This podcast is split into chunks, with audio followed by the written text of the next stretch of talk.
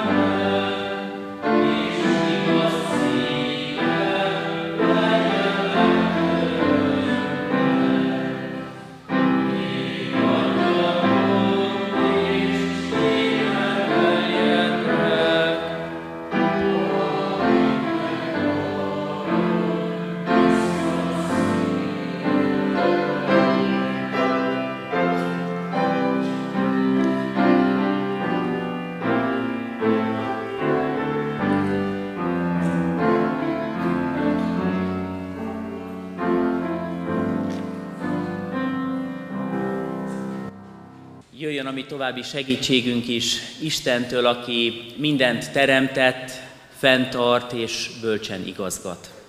Amen. Kedves testvérek, a mai igerészünk az apostolok cselekedeteiről szóló könyvben található a 9. fejezetben, az első verstől kezdődő szakaszában. Az igerész hosszabb, ezért kérem, hogy a gyülekezet helyét elfoglalva hallgassa meg. Az apostolok cselekedeteiről szóló könyvből olvasom Isten igéjét a 9. részből, tehát az első verstől. Saul pedig az úr tanítványai elleni fenyegetéstől és öldökléstől lihegve elment a főpaphoz, és leveleket kért tőle Damaszkuszba a zsinagógákhoz, hogyha talál olyanokat, akik az Úr útjának követői, akár férfiakat, akár nőket, megkötözve vihesse azokat Jeruzsálembe. Útközben azonban, amikor éppen Damaszkuszhoz közeledett, hirtelen mennyei fény ragyogott fel körülötte, és amint a földre esett, hallotta, hogy egy hang így szólt hozzá. Saul, Saul, miért üldözöl engem? Ő pedig megkérdezte, ki vagy, Uram? Az így válaszolt, én vagyok Jézus, akit te üldözöl. De kelj fel, menj be a városba, és ott megmondják neked, mit kell tenned. A vele utazó férfiak pedig szótlanul álltak, mert hallották ugyan a hangot, de senkit sem láttak.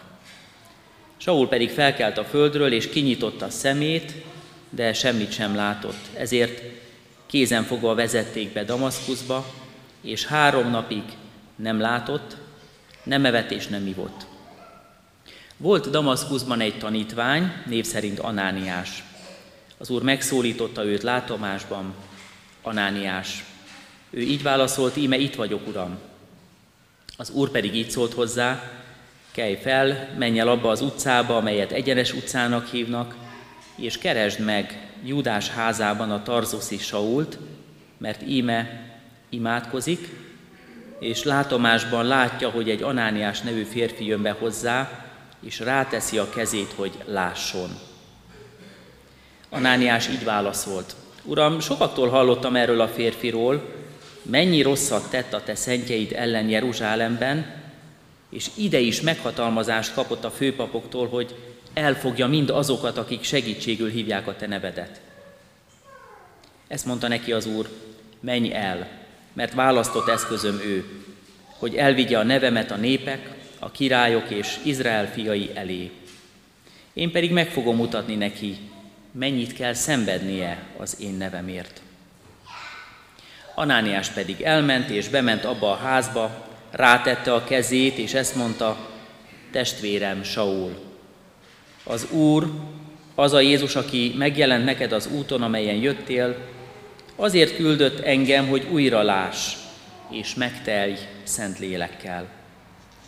És egyszerre, mintha pikkelyek estek volna le a szeméről, újra látott, azután felkelt és megkeresztelkedett, majd miután evett, erőre kapott. Néhány napig együtt volt a damaszkuszi tanítványokkal, és azonnal hirdetni kezdte a zsinagógákban, hogy Jézus az Isten fia. Mindenki csodálkozott, aki hallotta, és így szóltak. Hát nem ő az, aki üldözte Jeruzsálemben azokat, akik segítségül hívják ezt a nevet, és aki ide is azért jött, hogy megkötözve a főpapok elé vigye őket. De Saul egyre jobban felbátorodott, és zavarba hozta a damaszkuszi zsidókat, bebizonyítva nekik, hogy Jézus a Krisztus. Isten tegye áldotta az ő szent igéjét, áldja és szentelje meg az ige hallgatóit, befogadóit és megtartóit. Amen. Kedves testvérek, a mai igerész, amit a Szentírásból felidéztünk, a bibliolvasó vezérfonal szerint most előttünk volt, előttünk lehetett az elmúlt napon, napokban. És aki a kalauzzal olvassa naponta Isten igéjét, így számára nem is volt talán új a történet, de azok is, akik nem a bibliolvasó kalauzt használják napi vezérfonalként, ismerik ezt a történetet, hiszen talán azt is mondhatom, hogy az egész világon a legismertebb bibliai történetek közé tartozik. Talán így szoktuk röviden összefoglalni, hogy a pálfordulás története, vagy hogyan lesz Saulból Pál, hogyan tér meg a világ egyik legismertebb apostola. És ennek a történetnek a felidézése időről időre aktuális, időszerű, bibliaórákon, gyülekezeti alkalmakon, és most így mi is figyelhetünk rá. Általában ezt a történetet egy kicsit átgondoljuk, majd átgondolhatjuk együtt, és a megtérés fogalmát is egy kicsit körüljárhatjuk, megkeresve benne a kapcsolódást saját életünkhöz, saját helyzetünkhöz. Mi a megtérés, és hogyan látjuk ezt Pálapostolnál, hogyan éljük meg a mi mindennapjainkban? Emlékszem arra, hogy amikor ifjú élményeim egyike egy ifjúsági táborba vitt el engem, akkor találkoztam először talán nagyon-nagyon intenzíven a megtérés fogalmával. Református gimnáziumba jártam, ott volt alkalom és lehetőség, hogy egy ifjúsági táborba menjünk, és szinte minden nap előkerült ennek a fogalomnak valamilyen megközelítése. Volt, amikor kifejezetten a fiatalokra ránk tekintve mondták, hogy éljünk a meghívással, éljünk a lehetőséggel, és térjünk meg, és volt, amikor általában, mint hogy most is egy-egy történet, most is a mi történetünk a megtéréssel foglalkozott.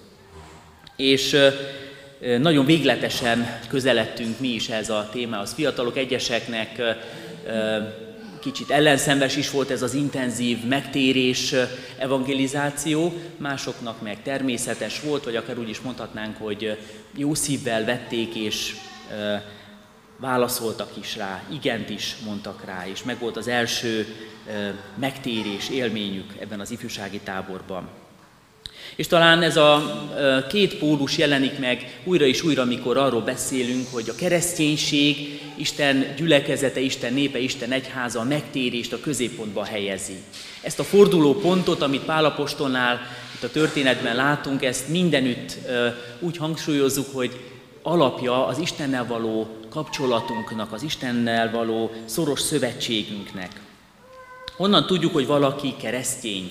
Honnan tudjuk, hogy valóban az, akinek, aminek mondja magát, hogy megtért hívő ember? Van egyáltalán jó definíciója ennek a megtérés élménynek, fogalomnak?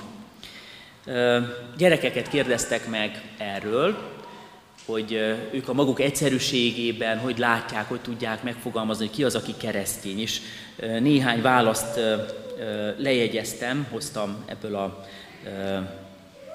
könyvből, ami a gyermekekről szól. Onnan tudod, hogy valaki keresztény, hogy megtért ember. És akkor egy 14 éves fiatal így válaszol, azt mondja, hogy annak az embernek minden színesebb és szebb az életében. Nagyobb szeretettel vannak a hívők embertársaik iránt, mint akik nem hisznek Istenben, mondja az Ildikó nevű 14 éves fiatal. Egy 11 éves Aliz nevű kislány ezt mondja, aki keresztény, a szerény, csöndes, kiegyensúlyozott, redukáltan fogalmazza meg. Vagy Renáta, szintén 11 éves, aki keresztény, az jókat mond Istenről. Egy fiú, 11 éves, szintén így fogalmazza meg, így gondolja, a keresztény ember nem bánt meg senkit, és jár a templomba. És egy 9 éves kislány így válaszol a kérdésre, a hív ember nem káromkodik, nem lop, nem öl. Vagy egy másik gyermek, a megtért ember megpróbál Istenhez közelebb kerülni és neki élni.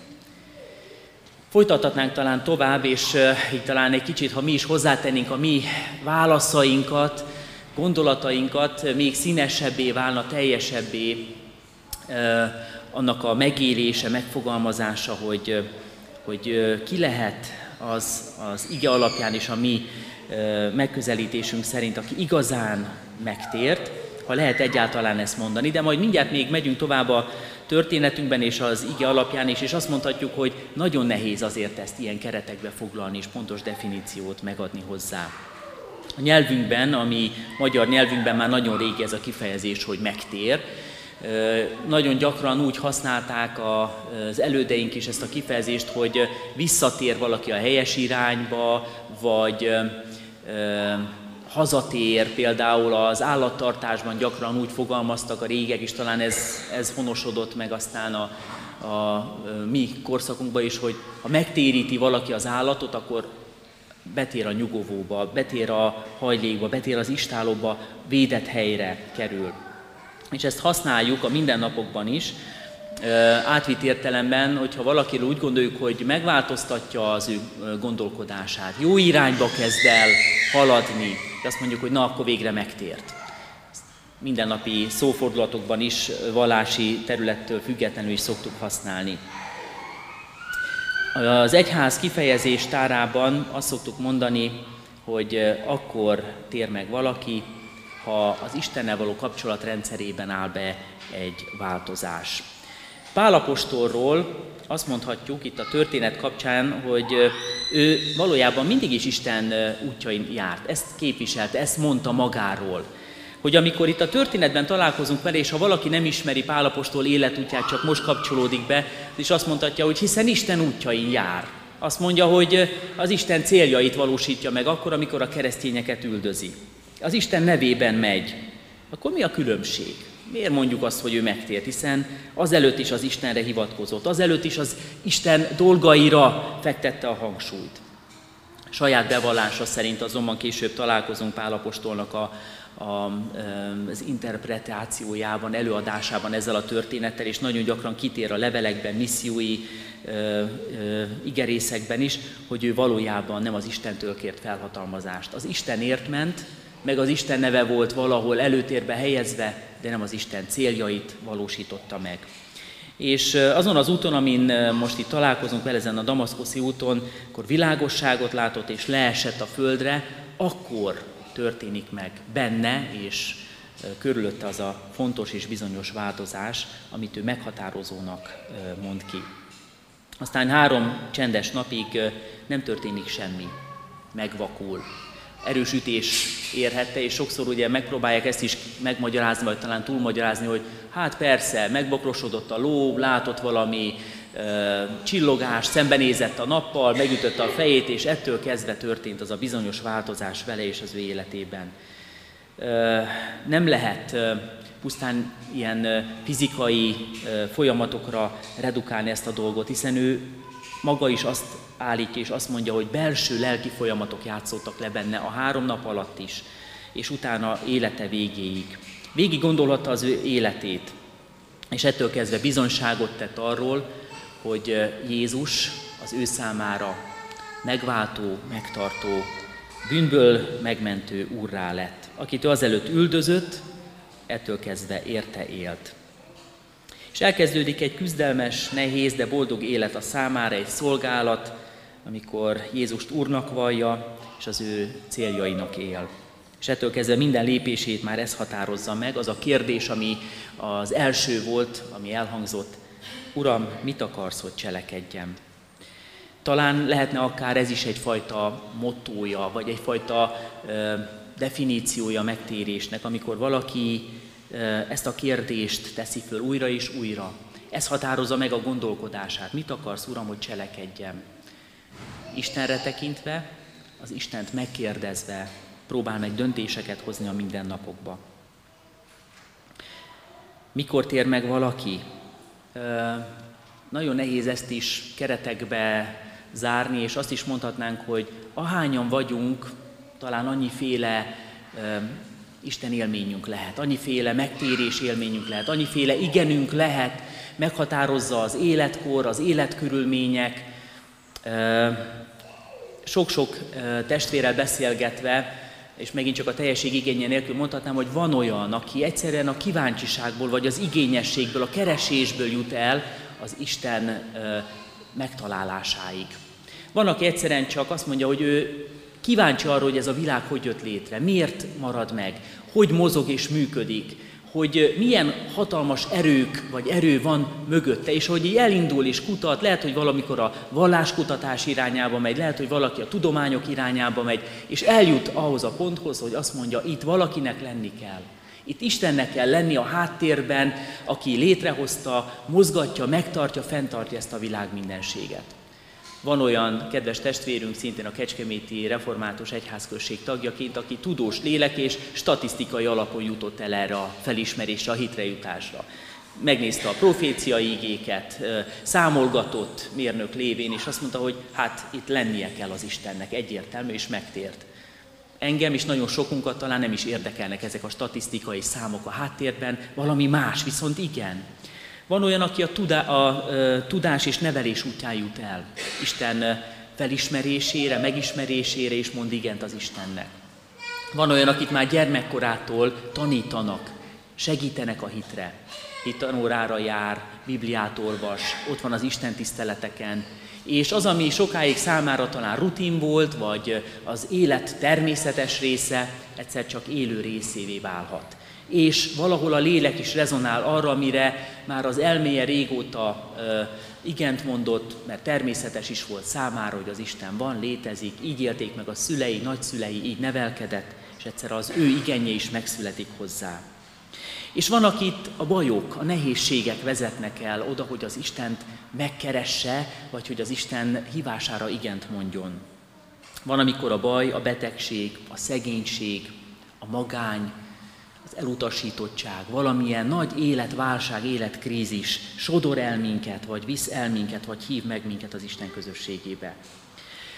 Azt mondjuk, ugye posztmodern korban élünk, és a posztmodern ember gondolkodásának az a lényege, hogy mindig konzekvens legyen, hogy az élet eseményeiben és folyamataiban mindig ott legyen, mint kontrollt gyakorló úr, mi legyünk a mi életünk irányítói, és hogy ez, ez az élete soha ne billenjen meg de a posztmodern ember is, a mai ember is találkozik, találkozhat olyan élethelyzettel, amikor arra döbben rá, hogy nem tudja irányítani, vezetni az élete dolgait, és szüksége van arra, hogy megkapaszkodjon valakiben, aki erősebb, segítséget kapjon attól, aki hatalmasabb, hogy válaszokat kapjon attól, aki bölcsebb, és fölismeri, fölismereti, hogy Isten ott van segítségként, tanácsadóként, kapaszkodóként, sőt, megmentő, megtartó, megváltó úrként. Csak egy példát hadd hozak ide még a pálapostoli történethez. Saul ugye leesik egy lóról és üldözőből Isten munkatársa lesz, Krisztus követője lesz.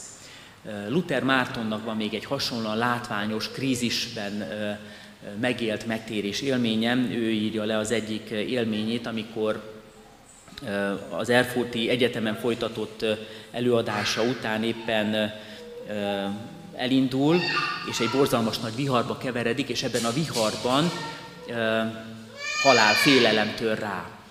Körülötte csapodnak a villámok, úgy érzi, hogy, hogy bármelyik pillanatban meghalhat, és ott tesz egy fogadalmat, igaz, akkor még nem Istennek vagy Krisztusnak, hanem egy szentnek, Szent Annához fohászkodik, és azt mondja, hogy szerzetes leszek, hogyha most megmentesz engem. Jogi tanulmányokat folytatott, jogászból lett így teológus, és a vihar elült, a villámok nem csapták agyon, a fogadalmat be kellett tartani, és mikor bekerült a szerzetesi rendbe, ott tovább folytatta azt az utat, amin elindult itt a villámlás közepette, és elkezdett ismerkedni az Isten dolgaival, és eljutott oda, hogy fölismerte Jézus Krisztusban a megváltó és megtartó urat. Ágostorendi szerzetesből lett így aztán később ismert reformátor. Föltetnénk a kérdést, mert talán ez a történet is segít minket, hogy kérdéseket fogalmazzunk meg, hogy jó ez a megtérés, kell ez a megtérés, és hogy kell egyáltalán ilyen, ilyen nagyon látványosan, mint ahogy Saul is átélte, meg, meg, megélni az Istenhez fordulást. A Szentírás sokszor fogalmazza azt meg, hogy megtérés nélkül, az Istennek kimondott igen nélkül nem vagyunk igazán, nem lehetünk az Isten gyermekei, nem vagyunk jó úton. És a, az ember bűnére adott helyes válasz csak a megtérés lehet, amikor megszületik bennünk a bűnlátás, a bűnvallás és a törekvés a bűn elhagyására. Itt ebben a kis történetünkben nagyon tömören, röviden jelenik meg mindez, de ott van. Akkor Saul belátja, hogy védkezik. Ki mondja a hibáit, és egy egészen más és új gondolkodás rendben kezd el ettől kezdve működni és élni. A Szentírás teljes egészen mindig is felhívja az embert, a bűnös embert a megtérésre. Ezékiel könyvéből veszek csak egy idézetet. Így szól az Úr. Térjetek meg, hagyjátok el védkeiteket, akkor nem fogtok elbukni bűneitek miatt. Vagy Jézus a Lukács evangéliumában így hívogat. Azt mondom nektek, ha meg nem tértek, úgy elvesztek mindannyian. Tehát egy lehetőség így mutatja meg Isten önmagát is a, az ember számára, az elveszett ember számára egy lehetőség, hogy, hogy vele szövetségben éljünk. Egy lehetőség, hogy találkozzunk a bűnbocsátó szeretetével. Egy lehetőség, hogy az életünk változzon, formálódjon az Isten tervei szerint. És ebből a szempontból nincs különbség, hogy kit hív meg. Minden ember számára nyitott ez a lehetőség. Még Saul is, aki azt mondjuk, hogy tanult, művelt, teológiában is jártas ember, még ő is ezt éli meg, hogy kell, szükséges az, hogy újabb és újabb ismeretekre tegyen szert, más szívvel hallgatja Isten ígét, más szívvel olvassa a Szentírást, akkor, amikor már igent mond Jézus Krisztusnak. Ez a pál fordulat az ő számára. Egy irányváltás. És az új szövetségben több kifejezés is próbálja megfogalmazni ezt az irányváltást, a megtérést, azt a gondolatbeli és hitbeli folyamatot, amikor az Isten elleni magatartásunkkal felhagyunk, és az Isten felé fordulunk, hogy az ő akaratát keressük, és annak engedelmeskedjünk. Az egyik ilyen kifejezés a Szentírásban az episztrofé, másik a metanoéte. Mind a két kifejezéssel azt próbáljuk megfogalmazni, az van benne, hogy elfordulunk a bűntől, és a Biblia szerinti, az Isten szerinti igazságokhoz fordulunk oda. Az élet és a gondolkodásmód alapvető változása van tehát ezekben a kifejezésekben. Az jelenik meg, változtassuk meg a gondolkodásunkat, a szívünket, az érzésvilágunkat is. A teljesség igényét fejezi ki, de mégis benne van ez a fajta élethosszig tartó folyamat, amikor valaki érzi, hogy nem lesz ebben soha tökéletes, nem fogjuk soha azt megélni, hogy na most már elértük a célt, most már nem kell változnunk, formálódnunk, nem kell keresnünk az Isten igazságait, mert már mindent tudunk hanem benne van az a folyamatosság, amit eh, kifejez az ige, és amit látunk is a Szentírásban, hogy minden nap újra és újra van mit változnunk, van mint formálódnunk. Eh, visszatérve Saul Pál új életformájára, régi neve ugye a Saul, az új a Pál, eh, ettől kezdve másképpen kezd el mozgolódni a világban. Korábban Jézus ellen cselekedett, a Jézus követőit üldözte, most a Jézus követőivel tart, és Jézus ügyében tevékenykedik. Korábban volt egy erős akarat benne, nagyon ügyes volt és nagyon tevékeny, nagyon jó ötletei voltak, proaktívan lépett be abba a feladatba, amit ő kapott vagy vállalt is. Most már nem a saját akarata a legfontosabb, hanem azt kérdezi meg, mit akarsz, Uram, hogy cselekedjen. Jézus akarata kerül előtérbe. Ezt is mondhatnánk, hogy hozzá igazítja a saját ö, akaratát, gondolatait. Ö, ö, ellenőrzi azt, hogy jó-e az ő terve vagy gondolata, és felülírja Jézusé, felülírja az ige, az Isten terve és gondolata. Korábban olyan közösség tagja volt, amelybe beleszületett, amely adott volt a számára, most már döntést hoz, hogy kihez tartozik kitől távolodik és kihez közeledik. És Krisztus egyházához, gyülekezetéhez csatlakozik. Vállalva ezzel a nehézségeket, vállalva a kihívásokat, vállalva azt, hogy nagyon sok szempontból hátratételt fog ö, szenvedni. És talán most megint nézhetjük az aktualitását a mi ö, mindennapjainkban ennek a csupán három kivett mozzanatnak, részletnek. Korábban Jézus ellen, most Jézusért látjuk Pálapostolnál mi hogy gondolkodunk, mi életünk középpontjában ott van-e ilyen egyértelműen és határozottan Isten igéje, Jézus szavai tanítása, Jézus mint mester, az ő követése. Korábban Saul csak a saját akaratát élhette meg és élte meg, és ehhez igazított mindent, most megkérdezi, és újra és újra megkérdezi, mit akarsz, Uram, hogy cselekedjek. Hívő ember ezt a kérdést fölteszi, és gyakran fölteszi, és kezébe veszi Isten igéjét, és megméri döntéseinek súlyát, és amikor azt látja, hogy Jézus akarata, Jézus terve más, akkor le tud mondani a sajátjáról. És ott van a harmadik szempontunk, hogy az egyházban, a gyülekezet közösségében éli meg a hitét Pálapostól, sőt, maga is gyülekezetek létrejötténél bábáskodik. Néha nem népszerű az egyházhoz tartozni. Van olyan korszak, időszak, vagy vannak olyan helyek, ahol kifejezetten csak a hátratételt éli meg a keresztény ember, és a hitért áldozatot hoz, szenved talán, de nem lehet az egyházon kívül hívőként lenni. És folytathatnánk tovább, Pálapostolt idézve, az új szövetséget olvasva, hogy mi mindenben látjuk ezeket a változásokat. Egy folyamat az, amiben most belecsöppenünk ennek a történetnek a kapcsán.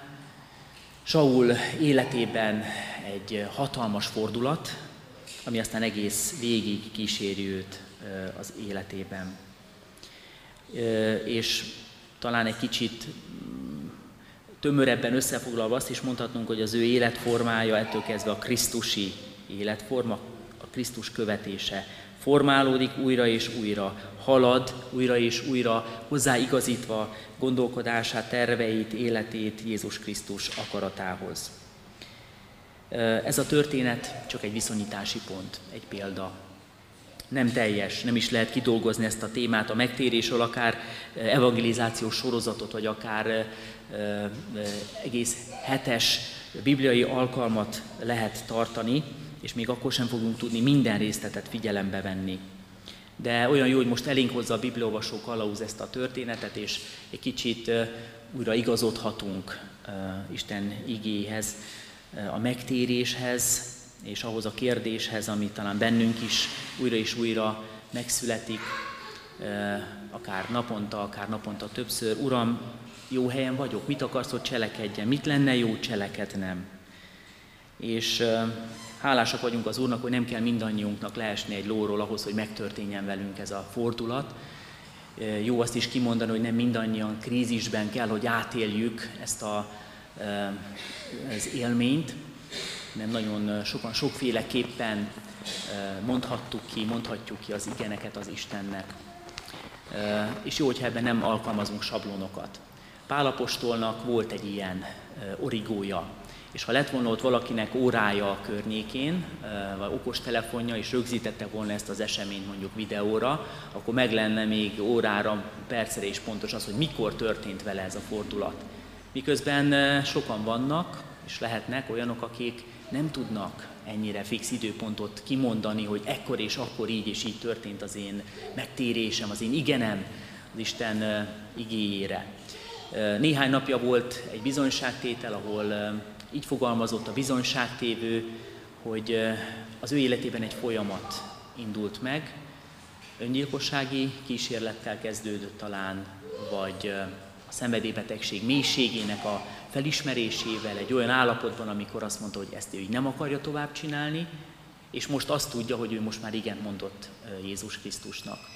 A kettő között nagyon nehéz megtalálni azokat a fix pontokat. Nem, nem másodperchez kötötten tudja kimondani, hogy mikor vált vagy lett a, az Istené, de hogy most az ő oltalmában van, az biztos. Van, aki talán így éli meg, vagy így élhette meg azt, hogy ő az Isten népének a tagja, Isten egyházának, Isten gyülekezetének a része.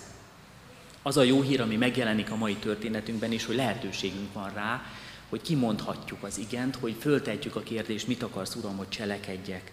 Ez egy nagyszerű, kegyelmi ajándék és lehetőség az élő ember számára, a mi számunkra. Kegyelem és ajándék nekem, ami változást hozhat el az életembe, jó, áldott élményekkel, ami formálja az én gondolkodásomat, kihatása van a családomra, a világra, minden részletében. És megint már utaltunk rá, Luther Mártontól egy gondolatot hozok így be az alkalom végén. Luther Márton megtérését követően ő is az egyházért munkálkodott újra és újra, napról napra, rábízott feladatokat vállalva, és egy helyen így fogalmaz, a 95 tételben, mikor Urunk és Mesterünk azt mondta, hogy térjetek meg, akkor azt akarta, hogy a hívek egész élete bűnbánatra térés legyen. Legyen hát így számunkra egy viszonyítási pont, az ige, az igében Saul, Pál élménye, megtérése, az a válasz, amit ő Isten hívására ad, és az a kérdés, amit föltesz, és élete meghatározó kérdésévé válik. Mit akarsz, Uram, hogy cselekedjem? Csendesedjünk el egy imádságra, szólítsuk meg Urunkat, könyörögjünk. Mindenható Isten, Atyánk a Jézus Krisztusban, Te örök tökéletesség és mennyei tisztaság vagy, tekints le ránk egyelmesen. Köszönjük, hogy a megváltást megélhetjük, átélhetjük, hogy a Te hívásodra igent mondhatunk. Köszönjük, hogy az ég nem lehet oly messze a földtől, mint, mint néha mi, ahogy mi érezzük magunkat távol tőled, de hogy ebben a távolságban te mégis közel jössz. És köszönjük, hogy minden csüggettségünk, fáradtságunk, minden mélységünk ellenére te fölkínálod a megváltó szereteted. Végtelen jóságod mégis érezteti velünk, hogy a te gyermekeid vagyunk. Áldott légy, hogy megszámva bűnös voltunkat, minket Jézus Krisztusban gyermekeidé fogadtál, és megbocsátó szereteted ajándékaival elhalmoztál. Áldaség szent nevet, hogy minket mindenkor visszahívogatsz magadhoz, és velünk a te közösséged lelked erejével fenntartod. Könyörgünk, Urunk, hogy kapcsolatunkat veled tedd mind mélyebbé és erősebbé. Munkád életünk megtérését és szülj újjá minket lelkeddel, hogy megláthassuk dicsőséged és új élettel szolgáljunk téged. Hadd értenünk és befogadnunk üzeneted, segíts rád hallgatnunk, és neked engedelmeskednünk. Aki jóságoddal magadhoz hívogatsz most is minket. És imádságban fordulunk hozzád, és kérünk azokért, akik fontosak nekünk, így imádkozunk szeretteinkért, családtagjainkért, barátainkért, a gyülekezet közösségéért, Erőt kérünk az erőtleneknek, gyógyulást a betegeknek, vigaszt a gyászolóknak, választ a keresőknek. Köszönjük, Urunk, hogy a gyülekezet egészét, közösségét is rád bízva kérhetünk megújulást. Hallgass meg minket most is, Jézus Krisztus által. Amen. Együtt is mondjuk el azt az imádságot, amelyre mi Urunk tanított minket fennállva. Mi atyánk, aki a mennyekben vagy, szenteltessék meg a te neved, jöjjön el a te országod, legyen meg a te akaratod, amint a mennyben, úgy a földön is. Mindennapi kenyerünket add meg nekünk ma, és bocsásd meg védkeinket, miképpen mi is megbocsátunk az ellenünk védkezőknek, és ne vigy minket kísértésbe, de szabadíts meg a gonosztól, mert Tiéd az ország, a hatalom és a dicsőség mind örökké. Amen. Kérjük és fogadjuk Isten áldását. Istennek népe, áldjon meg téged az Úr, és őrizzen meg téged. Ragyogtassa rád orcáját az Úr, és könyörüljön rajtad. Fordítsa az Úr az ő orcáját tereád, és adjon békességet neked. Amen. Kedves testvérek, helyünket elfoglalva hallgassuk meg a hirdetéseket. A kiáratoknál megtalálható hirdetőlapon részletesen is olvasható minden fontos esemény, lehetőség a gyülekezetünkkel kapcsolatosan, csak néhányat emelek most ki. A szokott rendben tartjuk meg Isten tiszteleteinket a következő napokban is.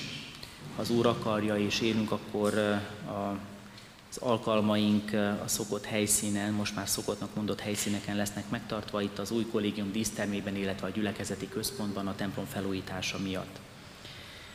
Imádkoztunk a gyászolókért, vigaszt kérve számokra, Galamb István, Károlyni, Tormási Eszter és Egri Jánosné Deák Eszter elhunyt testvéreinket gyászolókért imádkoztunk. Halottaink is vannak, A következő napokban veszünk búcsút halottainktól Tóth György, 65 évet élt Mester Barnabás Ferenc, a Katona József gimnázium volt igazgatója, és a mi gimnáziumunk újraindulását segítő igazgató is elhunyt, 88 évet élt testvérünk. Bihari Ferencné Nagypál Edith 68 évet élt, Kovács Menyhérné Lisztes Rozália 93 évet, Keresztes Ferenc 52 évet. A temetések időpontjairól a hirdető lapokon, az interneten is tájékozódhatunk. Isten vigasztalását kérjük a gyászolók életére. És hogy Jézus is mondja, hogy örüljünk az örülőkkel, sírjunk a sírókkal, most a házasulandókat hirdetjük, örülve az ő örömüknek és áldást kérve az ő tervezett házasság kötésükre. Először hirdetjük, hogy Kuti Ferenc Ádám, kisvárdai születésű református ifjú jegyezte Szabó Marian, budapesti születésű római katolikus hajadont. Másodszor hirdetjük, Tóth István jegyezte Kolozsi rektoris Alexandra Krisztinát, Pács Ferenc jegyezte Baráz Annát, Vízi Balázs jegyezte Mező Vivien Veronikát. És harmadszor hirdetjük, hogy dr. Bakó Péter Barnabás jegyezte dr. Georgieva Veszelinova Gerganát, Szőke János Urbán Ildikót, Fodor Zoltán Bezzeg Poglárkát. Az Úr áldja meg tervezett házasságukat. Köszönjük a testvérek adakozását, a befizetett adományokat augusztus 1-től 7-ig egyházközségünk pénztárába és az interneten 630.700 forint adomány érkezett. Továbbra is kérjük, hogy aki teheti, támogassa a templom felújítását, vagy a Széchenyi Városi Gyülekezeti Központ építését. Presbitériumunk ebben az évben ezt a két fontos közadakozást hirdette meg és imádságban buzdítunk az apa-fia táborban lévőkre, hogy az édesapák és fiaik kapcsolatuk erősödjön, egymásra találjanak, legyen áldott a program a résztvevők számára. Gyülekezeti újságunk a Szőlőskert második száma is megjelent. Szeretettel ajánljuk a kedves testvéreknek. A kiáratoknál elvihető, és szintén ott található a kis persa, amiben lehető, ha lehetőségünk engedi, akkor támogassuk a kiadványunkat. És még a diakóniai központ adakozását javasoljuk szeretettel, akik esetleg befőzésben is gondolkodnak, gondoljanak a rászorulókra, a diakoniai központhoz eljuttathatják a legpár és befőtt adományaikat, és azt a diakoniai központ majd továbbítja a rászorulók felé. Köszönjük szépen az adományokat. Az Úr legyen továbbra is gyülekezetünk megtartó és őriző pásztora. Amen. Záró dicséretünket énekeljük. Záró dicséretünk a 423-as énekünk.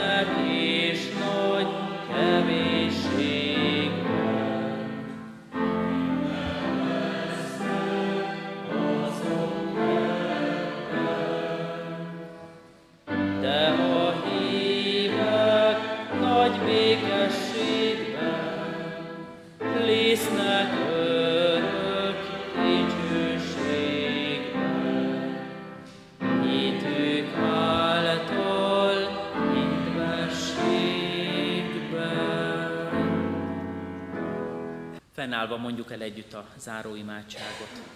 Hálát adok neked, mennyei atyám, hogy igédet hallgathattam, szent lelkeddel légy segítségemre, hogy a hitben megmaradjak, és mindenkor szeretetben járjak. Amen.